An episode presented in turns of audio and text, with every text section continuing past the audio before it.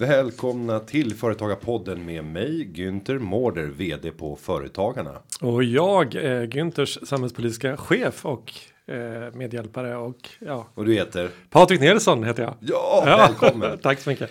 Eh, Det här är podden som ska hjälpa dig som företagare att bli en ännu mer framgångsrik företagare. Välkommen! Och det här avsnittet tänker vi såklart eftersom vi nu har Patrik med oss fokusera helt och fullt på det som har inträffat senaste veckorna.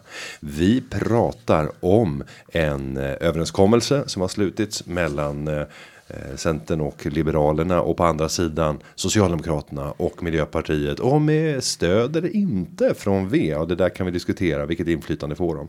Sen har vi också fått ministrar.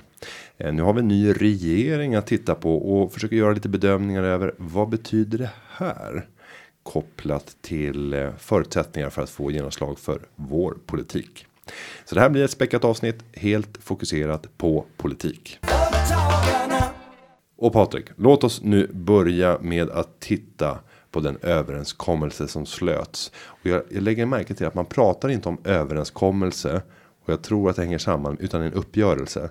Att man inte vill få namnet smittat med decemberöverenskommelsen. Gör du samma analys? Ja, ja, man säger, man säger ju avtalet, men januariavtalet. Ja, men, men jag tror att det stora misstaget om man nu inte vill smitta, det är att se till att det inte finns en månad med på något sätt i, istället. Ja. Det är nog det överhängande. men, men det är ju inte så att de har pratat om januari. De har Nej. ju aldrig benämnt det på det nej, sättet. nej. Så att de har försökt Men de pratade om överenskommelsen faktiskt från början. Uppgörelsen. Ja, båda två ska jag säga. Ja, jag, jag hävdar motsatsen. Men Ja, vi du kan som- slåss du- om ja, det du- här. du som jag är lyssnar- lite större än du. Du som lyssnar, vi, vi, kan, vi kan göra en, eh, en omröstning på Instagram. Har man pratat om uppgörelse eller överenskommelse? Och så slänger vi in avtalet där också. Och avtal. eh, men 73 punkter la man fram. Hur överraskad var du den där fredagen här tidigare i år? Jag tror, jag tror att, när, att det skulle komma någonting var vi nog vid det laget inte överraskande. Men att den skulle vara så långtgående överenskommelsen, uppgörelsen, avtalet. Det var vi väl liksom inte riktigt lika beredda på. Eh, men någonting var ju tvunget att göras och för att överhuvudtaget någon av Eh, så att säga, alla, alla ville ju ha mittenpartiernas gunst och för att de skulle liksom gå åt höger eller åt vänster så var det ju tvungen att, att serveras någonting och från vänster var man ju tvungen att servera än mer skulle jag säga Eh, i det sakpolitiska området och det är väl därför den var tvungen att gå så långt som den faktiskt har gjort. Och när vi tittar på sakpolitiken så kan vi konstatera att Centerpartiet har drivit många av de frågorna som vi har tyckt har varit viktiga. Och man kan ställa sig frågan eh, vad var hönan och vad var ägget? Vi har ju också lagt fram förslag som Centern sen har kommit att gilla och själva lägga politiska förslag kring. Men om vi tittar på det sakpolitiska området. Hur stor framgång är det här för oss? Nu vet vi inte vad som blir genomfört, men Nej, jag skulle säga, det, det, det har ju varit en, en debatt i Sverige nu huruvida det här är bra eller dåligt och till och med så att näringslivet säger att ja, men allting hamnar i utredningar eller motsvarande. Nu hamnar ju egentligen alla lagförslag i utredningar. Det är ju en del i, i egentligen processen för att få bra lagar. Men, men jag skulle säga så här att om det här blir verklighet eh, och då vill jag säga vi tar inte fram någon framgång. Vi tar inte ut någon förlust heller utan nu, nu jobbar vi med det vi har här. Då ska jag säga men om det blir verklighet så är det här väldigt, väldigt många bra förslag för eh, Sveriges småföretag. Och, för den som inte orkar eh, läsa igenom de 73 punkterna, men de sammanfattas faktiskt på 16 sidor tror jag det var. Ja, det är, det, det är fullt läsbart faktiskt. Och, om man vill så kommer man säkert inom kort även kunna se på vår hemsida de vad vi då gör bedömningen 23 punkterna som är riktigt eh, som handlar om företagande och näringsliv. Och om du får göra någon typ av topplista, jag vet inte om du törs gradera dem, men, Ja, men nämna ett ja, antal jag, förslag att- som att- tycker. Man kan ju säga några stycken. Det kommer ju några saker rätt så snart. Exempelvis ett utvidgat RUT. Värnskatten försvinner. Eh, vi får eh, eh, vissa så här, arbetsmarknadsstöd som, som, eh, Eh, som har varit eh, av ideologiska skäl varit borttagna från småföretag för att de inte har kollektivavtal. De försvinner. Det här är ju sådana saker som kommer genomföras inom rätt så kort eh, tid. Förhoppningsvis saker inom arbetskraftsinvandringen också. Men eh, de stora vinsterna om de blir verklighet, de tror jag nog ligger, det är de vi får bevaka extra noga för att de ska bli verklighet. Det gäller nog eh, eh, skattesystemet och arbetsrätten tror jag. De här stora strukturella reformerna som faktiskt Sverige har behövt under väldigt lång tid. Eh, vi, det är ju en del i vår kommunikation väldigt ofta att vi säger att, att Sverige har förändrat sig väldigt, väldigt mycket under en, en lång period. Men de, de här grundläggande strukturerna i samhället, alltså skattesystemet, socialförsäkringarna, arbetsrätten, de härstammar ju liksom från 70-talet eller som skattesystemet kanske från 90-talet då. Men det är ändå väldigt länge sedan. Eh, det har hänt mycket på näringslivet och det har hänt mycket i arbetslivet. Och om vi ser till uppgörelsen så var ju Centerpartiet tveklöst det partiet som fick ta störst andel av utrymmet i samband med att den skulle presenteras. Mm. Alltså, Säkert en del i förhandlingen också. Jo, och Liberalerna fullständigt marginaliserades i det sammanhanget. De fanns knappt med när det här skulle presenteras. Ehm, och inom socialdemokratiska leden så borde det finnas en och annan som Eh, är rejält upprörd över de här frågorna som är långtgående inom arbetsrättsliga området, men men också när vi pratar värnskatt och liknande. Man tycker att det här är politik som ökar klassklyftorna. Vi har även höjning av brytgränsen för statlig inkomstskatt i det där också.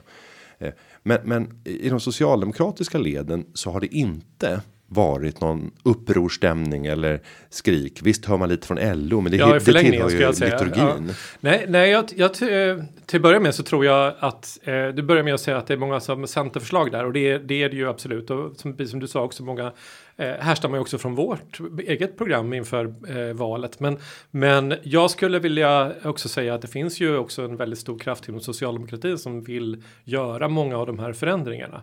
Eh, så att det finns ju givetvis ett stöd för dem, framförallt kanske då med mer näringslivsinriktade socialdemokrater. Men eh, jag tror också det handlar om att eh, ett, att folk litar på Stefan Löfven inom socialdemokratin och nummer två är också att alla förstår att eftergifter behöver göras eh, i det här läget. Det har ju han också väldigt duktigt kommunicerat till sitt eget parti. Och när vi hörde regeringsförklaringen så blev det ju lite skarpt läge. Kommer vi ha en, en Stefan Löfven 2 som står nickande och instämma när man själv berättar om reformer som man historiskt inte har velat genomföra. Ja. Eh, och det var väl inte med eh, entusiasm och frenesi som eh, reformerna presenterades, men det presenterades. Eh, det var sakligt, det var korrekt. Vad gör du för analys av ja, viljan han, att genomföra ja, alltså, det här? Han är ju inte den där som är så här jättepassionerad när han talar på ett överhuvudtaget tycker jag. Men, men däremot så tyckte väl jag att, att, att hans han, han, han glimmar ju till lite mer när han pratar om saker som är lite mer om orättvisa och rättvisa frågor och kanske inte så mycket om näringslivsfrågor eller sånt. Och han måste ju stå där i, i talarstolen och säga att ja, men nu tar vi bort de här eh, sakerna och det kommer inte krävas kollektivavtal och sånt Och det är ju väldigt osocialdemokratiskt. Så det är klart att det är en eh, eh, en annan Stefan Löfven som pratar de här eh, fyra åren eh, och eh, jämfört med de förra fyra åren ska vi se oss att det inte bara blir prat också utan också blir handling från regeringen. Och man kan ju jämföra en eh, regeringsförklaring och en eh, en höstbudget med att eh, en företagare lägger en plan för verksamheten för kommande år och en därtill hörande budget. Mm. Och då vill... Förutom att du måste liksom få 345 helt andra personer. Att... jo, men det är styrelse som det ska baxas igenom ja, om det är ett, ett, bolag som har en, en professionell sådan. Eh, men, men, det jag vill komma till är kopplat till synen av hur mycket ska vi tänka att det här kommer att faktiskt eh, bli verklighet. Alltså i, i ett företags verksamhetsplan så lägger man ju in sånt som man vill ska ske under året och nu vet vi att vi har en regering som inte kommer att vilja. Man har skrivit till att en utredning ska göras inför och det är inget konstigt eh, när, det, när det är stora omfattande lagförändringar. Men ska man som företagare titta på en sån här uppgörelse med andra ögon eh, än vad man gör på en bolags ett bolags verksamhetsplan och budget och inte ta för för god att det här kommer att bli verklighet och börja planera verksamheten därefter. Nej, jag, jag, tycker nog man ska vara försiktig och förståndig i, i sammanhanget. Jag, jag tror eh, att alla som nu har ansvar att göra den här vet att många av de här reformerna faktiskt behövs för att egentligen Sverige ska behålla sin konkurrenskraft. Företagen ska må bra så att säga.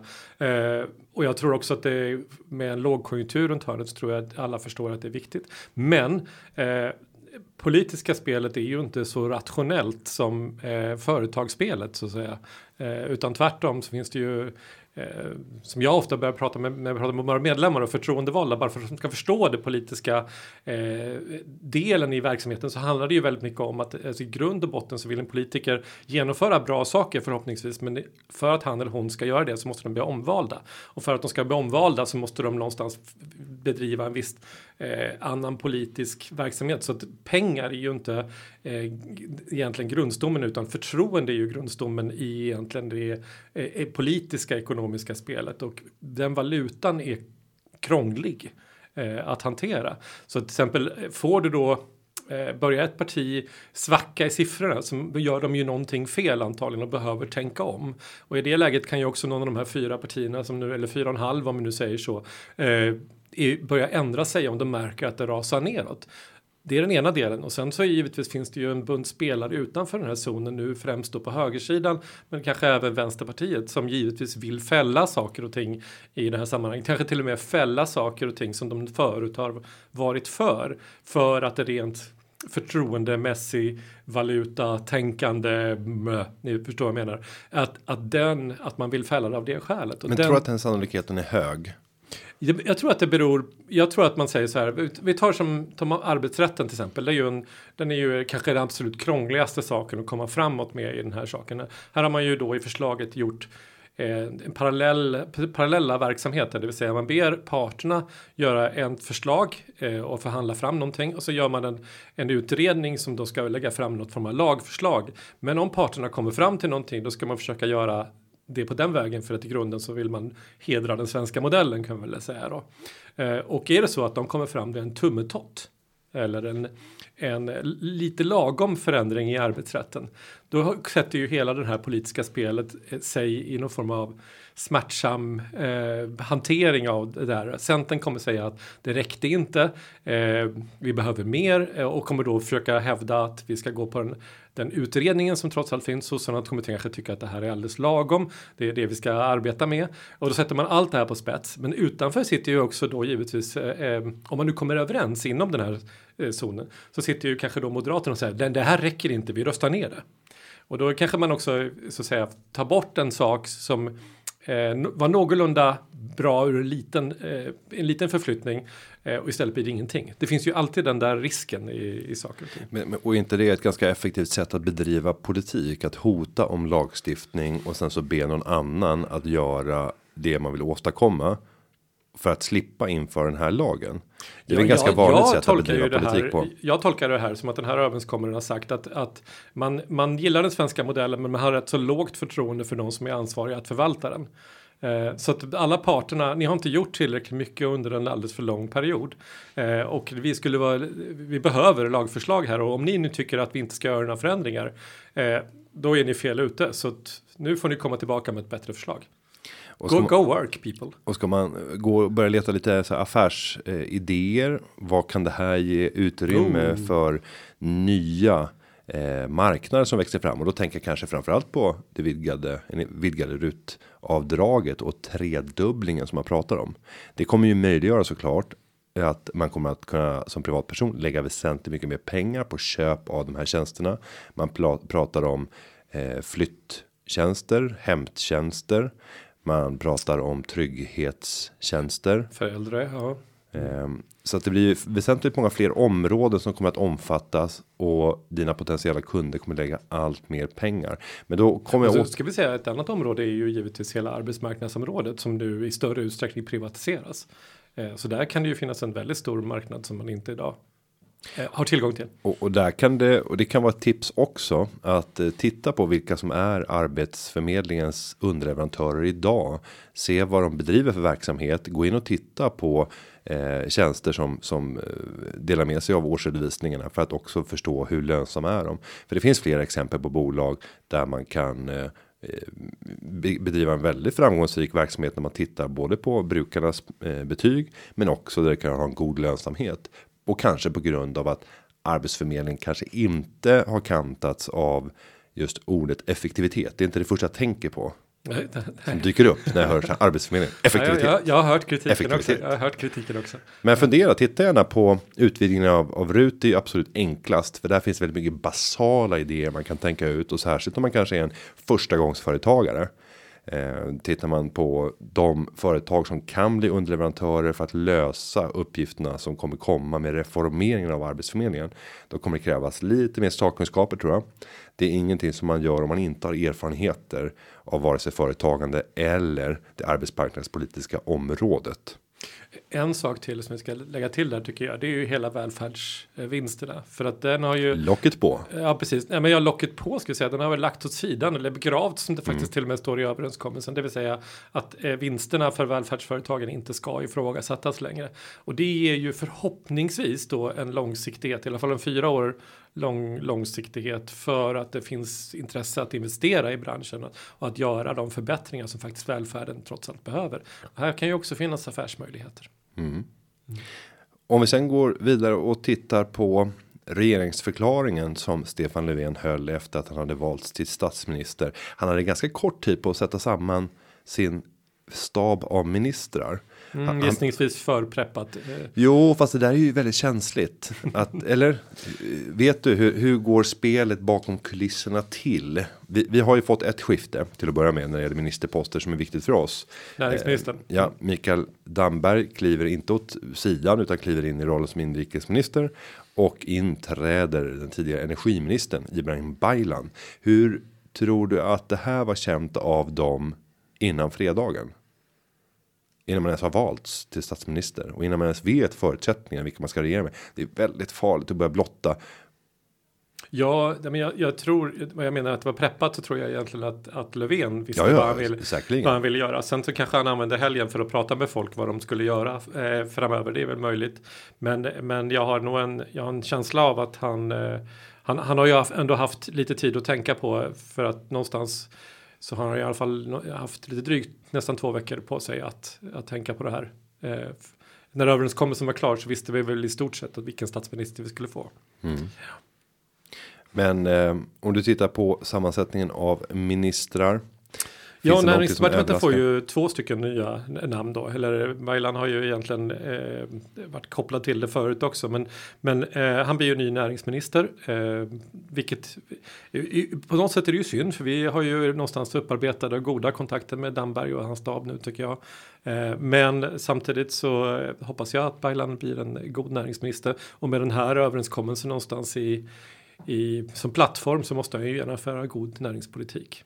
Och hur ser din analys ut eh, bakom varför den här förflyttningen sker? Två ministrar som får två nya eh, ansvarsområden.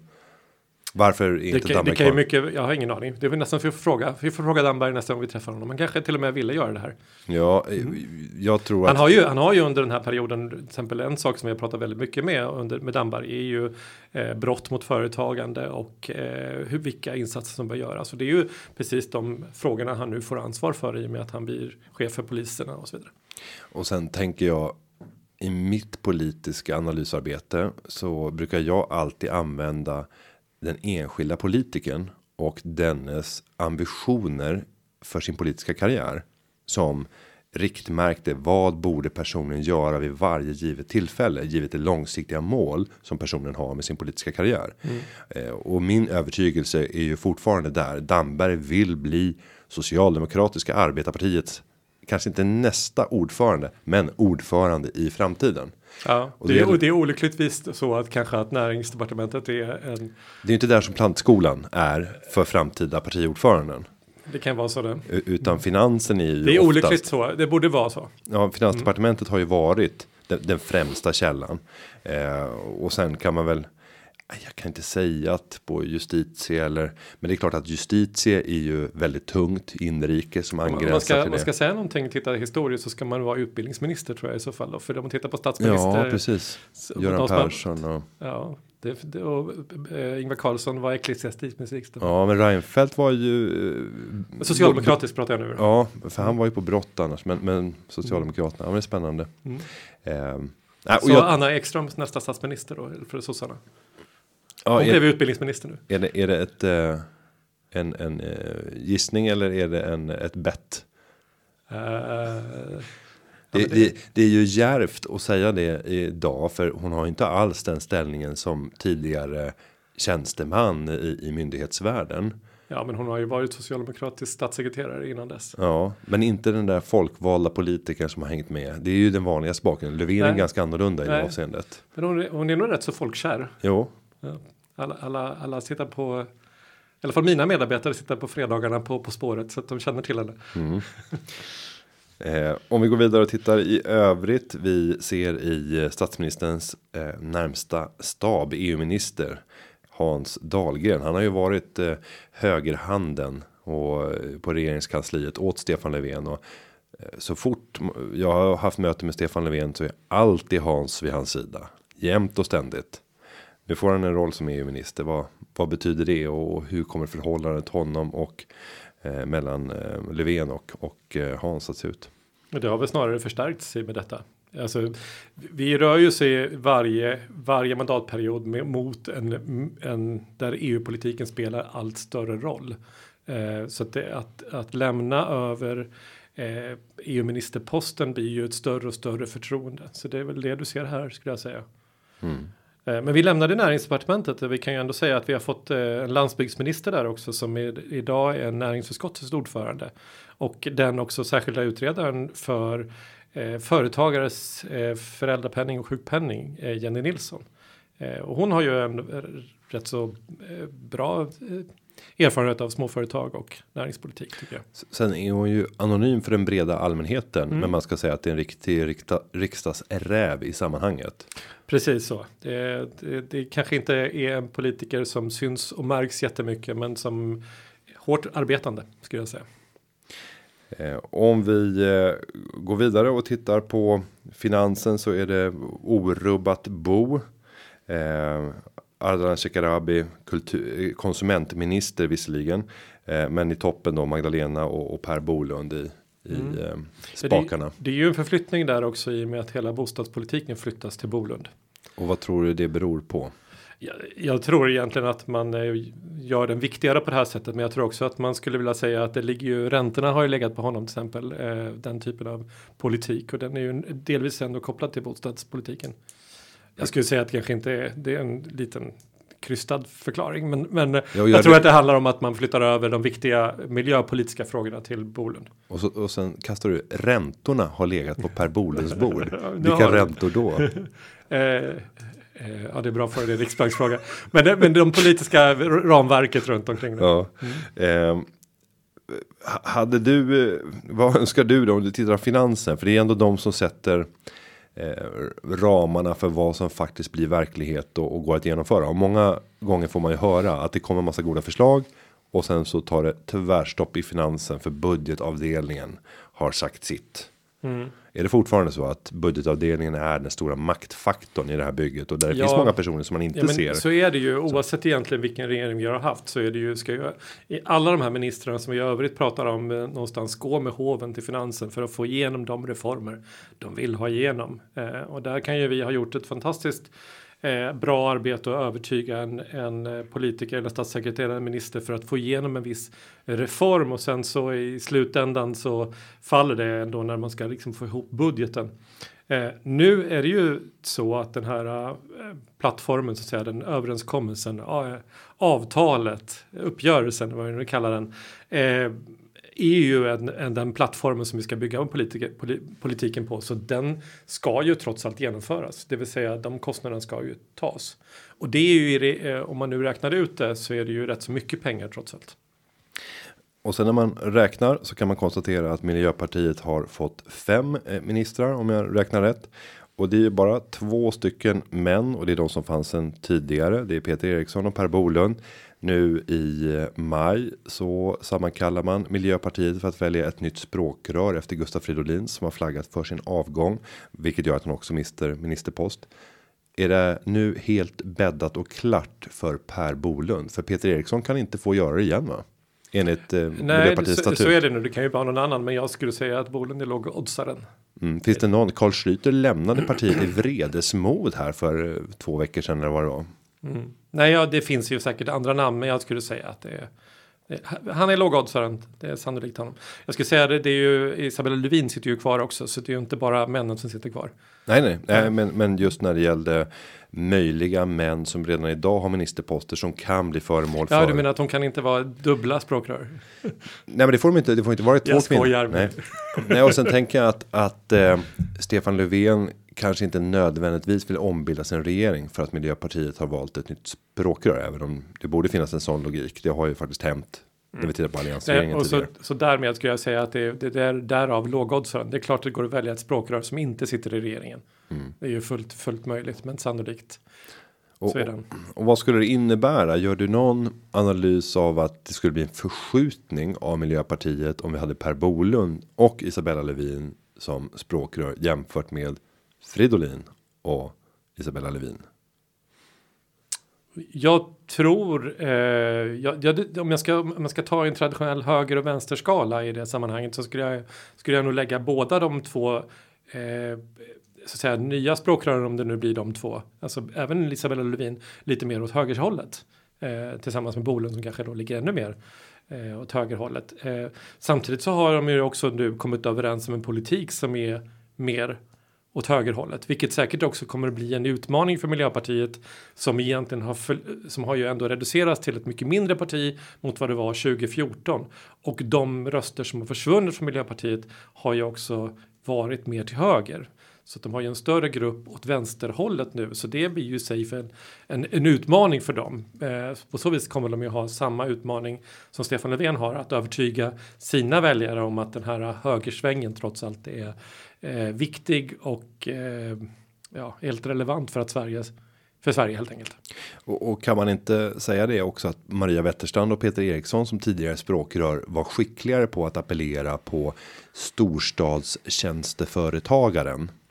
Där fanns det ändå en, en viss sympati, men som sen försvann med Fridolin, Romson och senare Levin för att man pratade frågor som inte låg nära företagandet. Fridolin har ju verkligen drivit partiet till att bli också väldigt skolorienterat skolfrågeparti.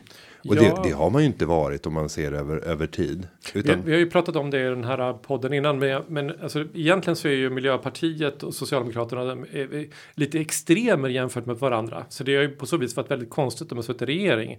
Alltså Miljöpartiet står ju ofta för det nära, eh, det lilla. Eh, alltså småföretagaren passar Partisten egentligen. Medan stor Socialdemokraterna är industrin, det stora. De har ju in, inte alltför sällan ett blint öga till, eh, till de små företagen eftersom de ofta inte har kollektivavtal och många härstammar ju kanske från arbetarrörelsen i form av LO och så vidare också. Så att de här två på så vis är ju väldigt eh, udda. Och någonstans 2014 och lite innan dess skulle jag säga att Miljöpartiet hade ännu mer en, liksom en småföretagar prägel på sig, även efter Maria Wetterstrand. Eh, men att under den här regeringsperioden så har ju det här eh, helt kommit i skymundan eh, utåt sett i alla fall. Och då blir det möjligt att det här kanske nu då med förstärkning från de två borgerliga partierna så att säga i den här överenskommelsen kanske det kommer tillbaka. Men samtidigt är det ju svårt att vara eh, vara det som Centerpartiet också till exempel är väldigt bra på, det vill säga prata småföretagande. Och om vi nu lämnar ministrarna, maktspelen kring Miljöpartiet framöver och eventuell riktning och går tillbaka och tittar på sakfrågorna så har vi dels tittat på överenskommelsen, de 73 punkterna eller uppgörelsen eller avtalet. Eh, men ja, eh, och jag vet att du inte gillar när man säger så, men men en regering har även att fatta beslut om ungefär 20 000 ärenden som kommer upp på dess bord under mandatperiod mandatperiod. Och nu är det här 73 områden. Ja, det är inte 73 stycken enskilda beslut för det är ganska breda områden. Men det finns ju väldigt många ärenden där en regering inte kanske kommer att vilja fatta beslut i en riktning som Centern och Liberalerna tycker är fantastisk om man ska väga det här i någon vågskål. Eh, finns det en risk för att ja, det sker framsteg inom de här färdigförhandlade områdena, men det förtas helt och fullt av att det fattas mängder av andra beslut i en helt konflikterande riktning. Mm, och då kommer du få det där svaret och vi hamnar någonstans mitt emellan eh, givetvis. Alltså i i överenskommelsen står det ju portalparagrafen att det är, eh, vi ska ha en regering som jobbar för, små, för företagande och entreprenörskap. Och det är ju i sig en, en förflyttning för socialdemokratin jämfört med vad man pratat om de senaste fyra åren. Men precis som du säger så är det väldigt mycket som inte finns med i överenskommelsen och då gäller ju egentligen de grundregler som gäller för allting annat. Det vill säga vissa saker kan regeringen fatta beslut om alldeles själv. Eh, en sak som, som jag skulle vilja stoppa till exempel det är ju att man eh, så, det finns ju en viss som regeringsbeslut man kan göra, det vill säga eh, man kan utvidga vissa politiska områden som vi har märkt väldigt mycket inom kanske regelbördområdet så att man egentligen bara fattar mer och mer beslut och lägger mer och mer pålagor på, på företagen som vi gärna vill att regeringen ska sluta göra. Men de flesta beslut måste ju trots allt gå till riksdagen. Även om de gäller, gäller, ligger utanför den här överenskommelsen och då måste de ju hitta ett politiskt stöd för detta. Eh, och det som det är idag så måste de gå högerut för att hitta det stödet för det räcker inte att gå vänsterut. Om vi sen går vidare och för vi har inte pratat någonting om oppositionen. Mm.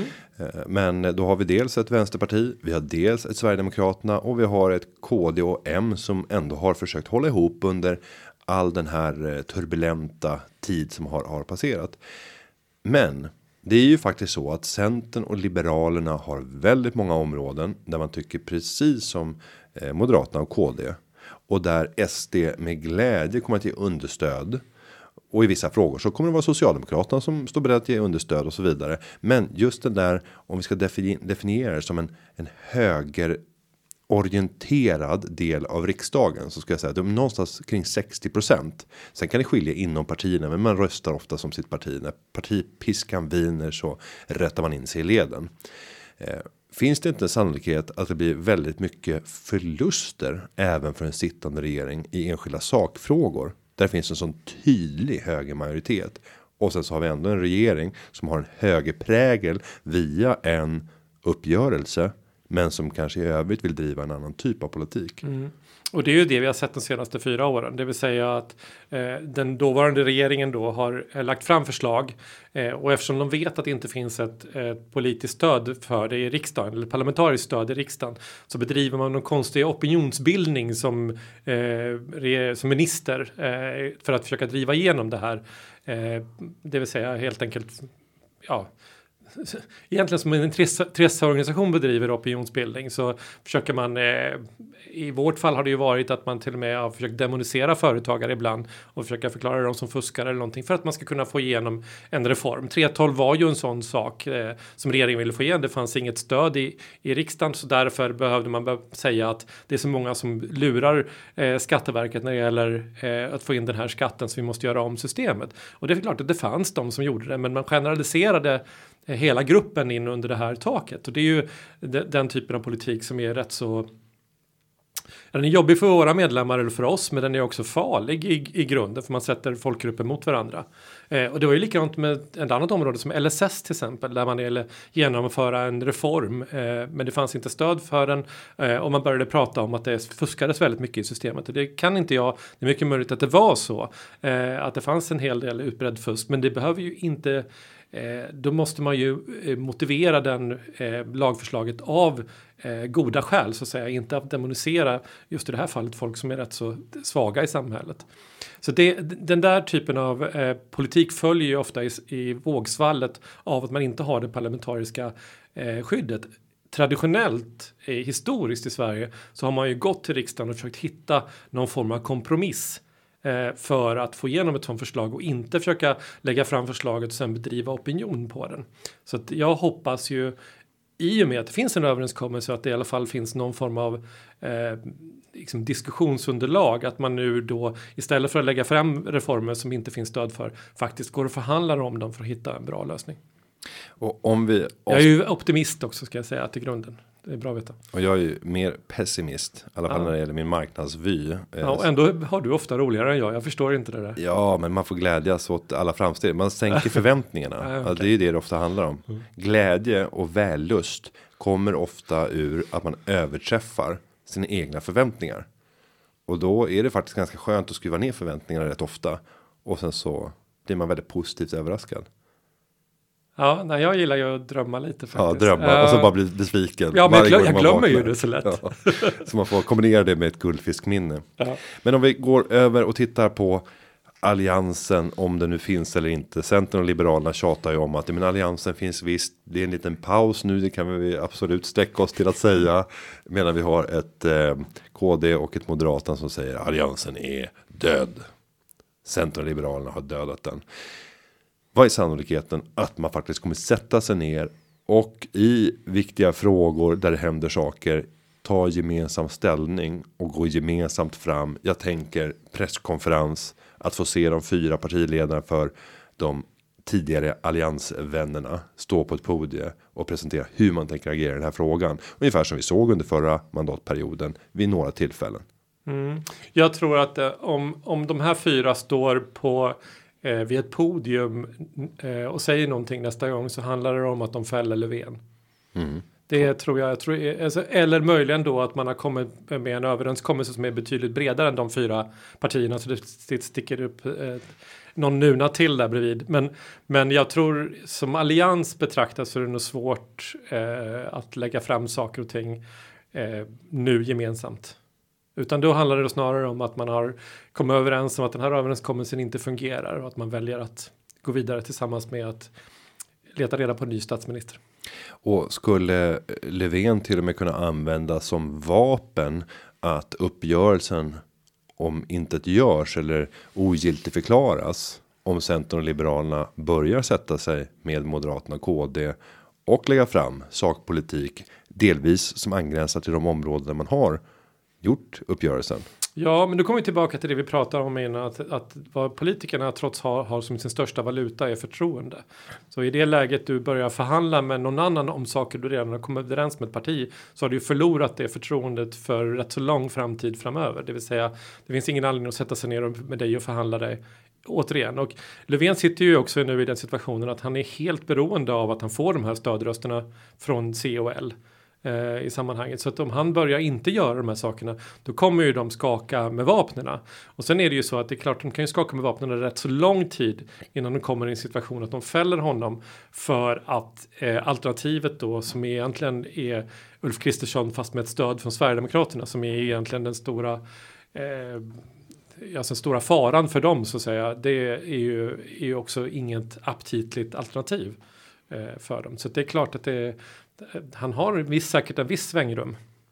Men där, vi ju, där finns ju andra organisationer också. Vi, vi, är ju viktiga att vi påtalar när saker och ting inte händer som det är tänkt. Och givetvis är det ju väldigt mycket utrymme inom var och en av de här punkterna också. Så att försöka göra dem så bra som möjligt är ju en jätteviktig del och tillsammans med alla våra medlemmar. Och ska man sammanfatta så kan vi säga att från företagarnas sida så kommer vi ställa våra resurser till förfogande för både näringsdepartementet och alla eh, de utredningar som nu ska skriva till verket och som kommer påverka förutsättningarna för företagandet. Självklart. Vi kommer ligga på som iglar. Med det ska jag säga att underlaget det har förberetts av David Hagen och klippningen den gjord av Linda Aunan Edvall. Vi hörs igen nästa vecka. Hej! Hej! dagarna. Ja, ja, ja, ja, ja, ja. Företagarna. Ja, ja, ja, ja, ja, ja.